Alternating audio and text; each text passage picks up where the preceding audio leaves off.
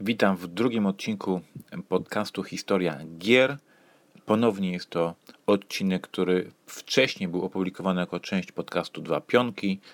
Mm, Tam z Mary opowiadałem o roku 1994 i o tym, jak wydawnictwo MAC nawiązało współpracę z Andrzejem Sapkowskim.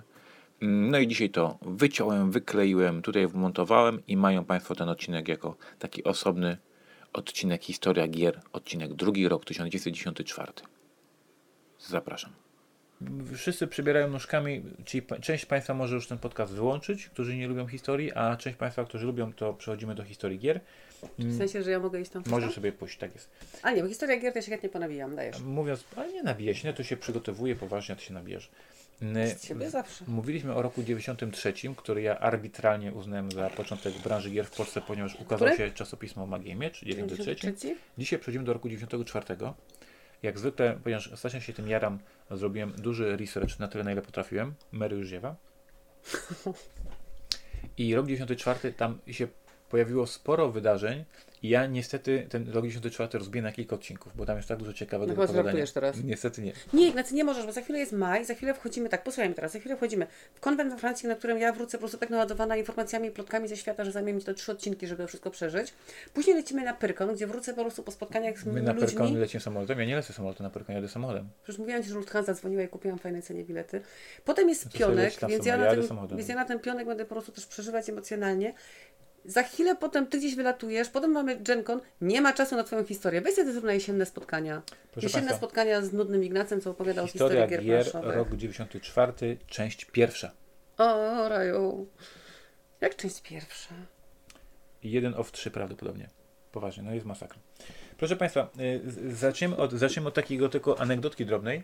Anegdotka drobna polega na tym, że w 1994 roku odbył się Nie konwent, bywal mi tym zębu. odbył się konwent Krakon.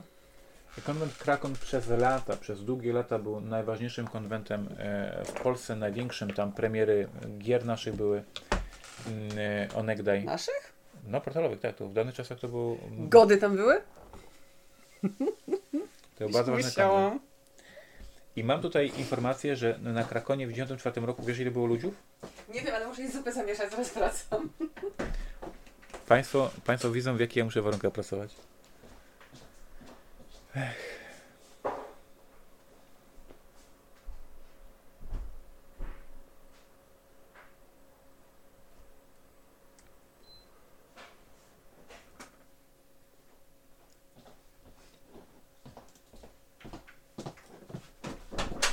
Wiesz ilu, wiesz ilu ludzi było na Krakonie w 1994 roku? Najwyższy konwent w tamtych... Szedariada i Krakon to były największe konwenty. Mam strzelać ile osób będzie- było? No. 60. 117.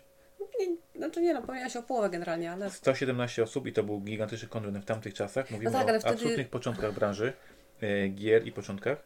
I jestem tutaj w dziale, w dziale Chciałam powiedzieć, że wtedy jeszcze nie było Facebooka yy, i, i ciężko było z internetem. wtedy nic nie było. Jak to w ogóle nie było internetu? Przecież to I- wszystko jest w dziale listy. To No jest... w Polsce nie było, tak? I generalnie jest tak, że ciężko było przekazać, komunikować się, gdzie, co, kiedy. Trzeba było czytać jakieś ogłoszenia, ulotki na drzewach. W dziale listy, w dziale listy pojawiały się takie listy jak na przykład Droga redakcjo, posiadamy jedną kostkę K10, jedna z 12 osób. Gdzie można w Polsce kupić kostki do gry?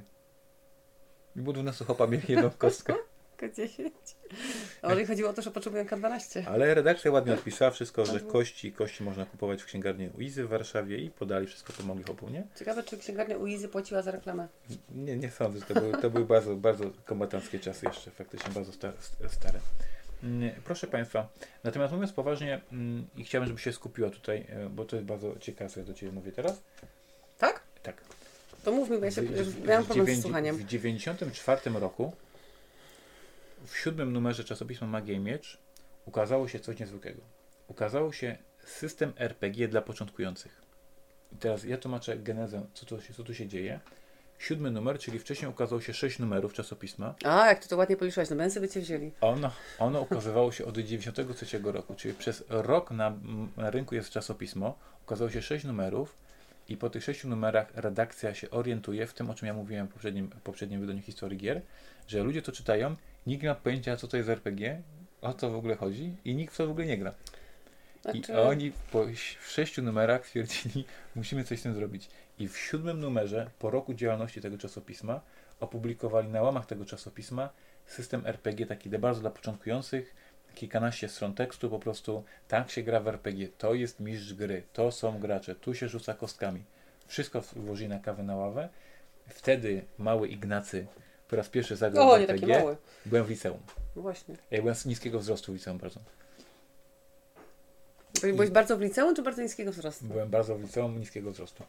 I po roku działalności czasopisma Magia i Miecz wreszcie jego czytelnicy po raz pierwszy mogli zagrać w gry fabularne. Takie historie się dzieją. I teraz ciekawostka, ciekawostka największa. Ten system RPG dla początkujących napisał nie kto inny, a Andrzej Sapkowski.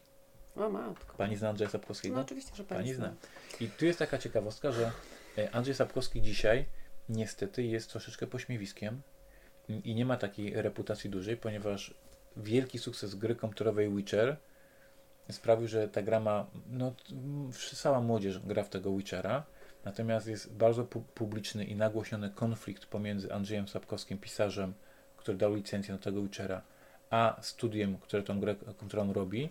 No i wiadomo, że cała młodzież, którzy uwielbia grę komputerową, to tego Sapkowskiego mają z jakiegoś dziadka z lasu, co tylko się czepia ich super gry komputerowej, nie?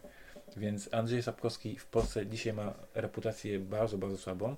Wtedy, w tym 1994 roku, on był totalną gwiazdą. To jest tak, jakbyśmy ogłosili, że portal wydaje grę Erika Landa. Andrzej Sapkowski był mega królem. Mm, Wydał wtedy opowiadania swoje najlepsze, zdobywał nagrodę za nagrodą i redakcja Magii Miecz stwierdziła, my potrzebujemy gwiazdy, a ta gwiazda nam napisze grę fabularną. Andrzej Sapkowski wtedy się bardzo lansował, że on zna język angielski, że on jest światowcem, że on wie, co są gry fabularne, że on jeździł po świecie i widział to wszystko.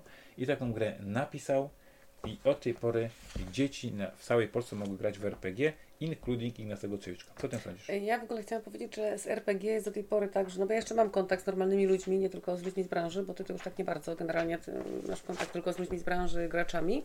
A mi się zdarza gdzieś tam spotykać z moimi znajomymi, którzy nie grają i na przykład jak czasami gdzieś tam padnie hasło RPG, to nadal nie każdy wie, czyli to dalej nie jest tak, że To jest niszowa zabawa oczywiście. Yy, że jest to świadome, że na przykład, no nawet nie chodzi mi o to, że to jest niszowa zabawa, tylko że jakby pojęcie jest obce, tak? Co to jest RPG? Na przykład mówię wtedy, no takie wiecie, takie gry, takie, takie ze scenariuszem, co tam się wcielasz i widzę totalne niezrozumienie, bo to jest ciężko sobie wyobrazić, ale ja też RPGowcem nie jestem, jakby trzymam się od tego z daleka. Yy, Jak da- się- Jak Ci podoba a, info, info, informacja, że przez rok wychodziło czasopismo i wszyscy czytali, a nikt nie wiedział o czym? Ja nie sądzę, że nie wiedzieli, że o czym. No nie, mówić poważnie, poważnie. Bo ja, ja sam czytałem od numeru do numeru, nie wiedziałem w ogóle o co chodzi. I oni tutaj piszą, piszą normalnie we wstępniaku, że ponieważ mają feedback, że bardzo wielu z Was nie bardzo wie o co chodzi, to tutaj jest gra dla początkujących napisana przez Andrzeja Sapkowskiego. I faktycznie wtedy te tysiące, tysiące młodych ludzi to zrozumiało, zaczęło grać i, i zaczyna się drugi jakby początek branży gier w Polsce, czyli faktycznie ludzie już nie tylko o, o grach czytają, ale w gry grają. Taki miałem dzisiaj odcinek o Andrzeju Sapkowskim, który światowcem był i, i wiedział, co to są gry fabularne. Napisał pierwszą polską grę fabularną, która miała kilkadziesiąt stron i przyczynił się do, mm, do rozwoju tego hobby. Mm, I dziś jest znielubiany przez młodzież, mm, która do niego ma pretensje, a wtedy był absolutnie kultową postacią. Znaczy, wiesz co, jest nielubiany. Ja oczywiście nie śledzę konfliktu Sapkowskiego, bo jakby nie Ostatnio to to w ogóle. wyszło w ogóle, o, o co E, chodzi. No tak, ale uważam, że jeżeli jest się jakby troszkę innym pokoleniem, to trzeba bardzo, bardzo uważać, żeby co się mówi w mediach na temat jakby młodszego pokolenia, bo mi się cały czas przypomina właśnie jakieś takie konflikty dawno, dawno temu opisywane gdzieś tam, czy pojawiają się w filmach, że o matko, co wy słuchacie, jak można Beatlesów słuchać, tak? Gdzieś to w jakichś filmach się pojawia jakiś taki kanon nieporozumienia pomiędzy, no czekaj, pomiędzy normalnymi, kulturalnymi ludźmi gdziekolwiek, tutaj, a tu nagle, wiesz, Power Flower wychodzi i tak dalej i się to przejawiają Beatlesi i zawsze jest konflikt międzykulturowy, międzypokoleniowy i chyba trzeba strasznie uważać, żeby właśnie się nie okazało, że ty nie, że nie zgadzasz się z tym młodszym pokoleniem, tylko że ty go nie rozumiesz, a nie rozumiesz go dlatego, że ci brakuje wiedzy, nie Ale to dlatego, jest że... inaczej. To jest inaczej. Tutaj oni, się, oni są pogryźli o kasę, mają źle wpisany kontrakt. Sapko, firma, która wydaje grę komputerową, zarabia miliony dolarów, Sapkowski a nie. Sapkowski nie zarabia na tym nic i on przez lata ma do nich pretensje i wiesza na nich psy w każdym wywiadzie. E, A młodzież, która gra w te e, gry, bo one są bardzo popularne, widzi tylko, że jest jakiś wąsaty gościu, który się wiecznie czepia e, Witchera i on faktycznie dzisiaj Wtedy był absolutną gwiazdą, top, naj, najsłynniejszym polskim pisarzem. Dzisiaj faktycznie Znaczy, jego to akurat jestem w stanie zrozumieć, że jeżeli na przykład jakimś cudem napisałabym jakąś mega fajną książkę i na tej książ- na podstawie tej książki powstałaby gra, no to ja chciałabym mieć po prostu tego kasę i tyle. No, podpisał kontrakt niefortunny, no jakby no, takie ży- życie jest. No. Kontrakt niefortunny. Myślisz, że jest taka kategoria kontraktu? kontrakt Jak, niefortunny? jak kilka niefortunnych kontraktów też życie podpisałem. Ja, ja wiem o tym. I proszę Państwa, zakończamy historię gier dzisiaj, tą część pierwszą, tym co się wydarzyło z pierwszą grą fabularną w Polsce. Ganze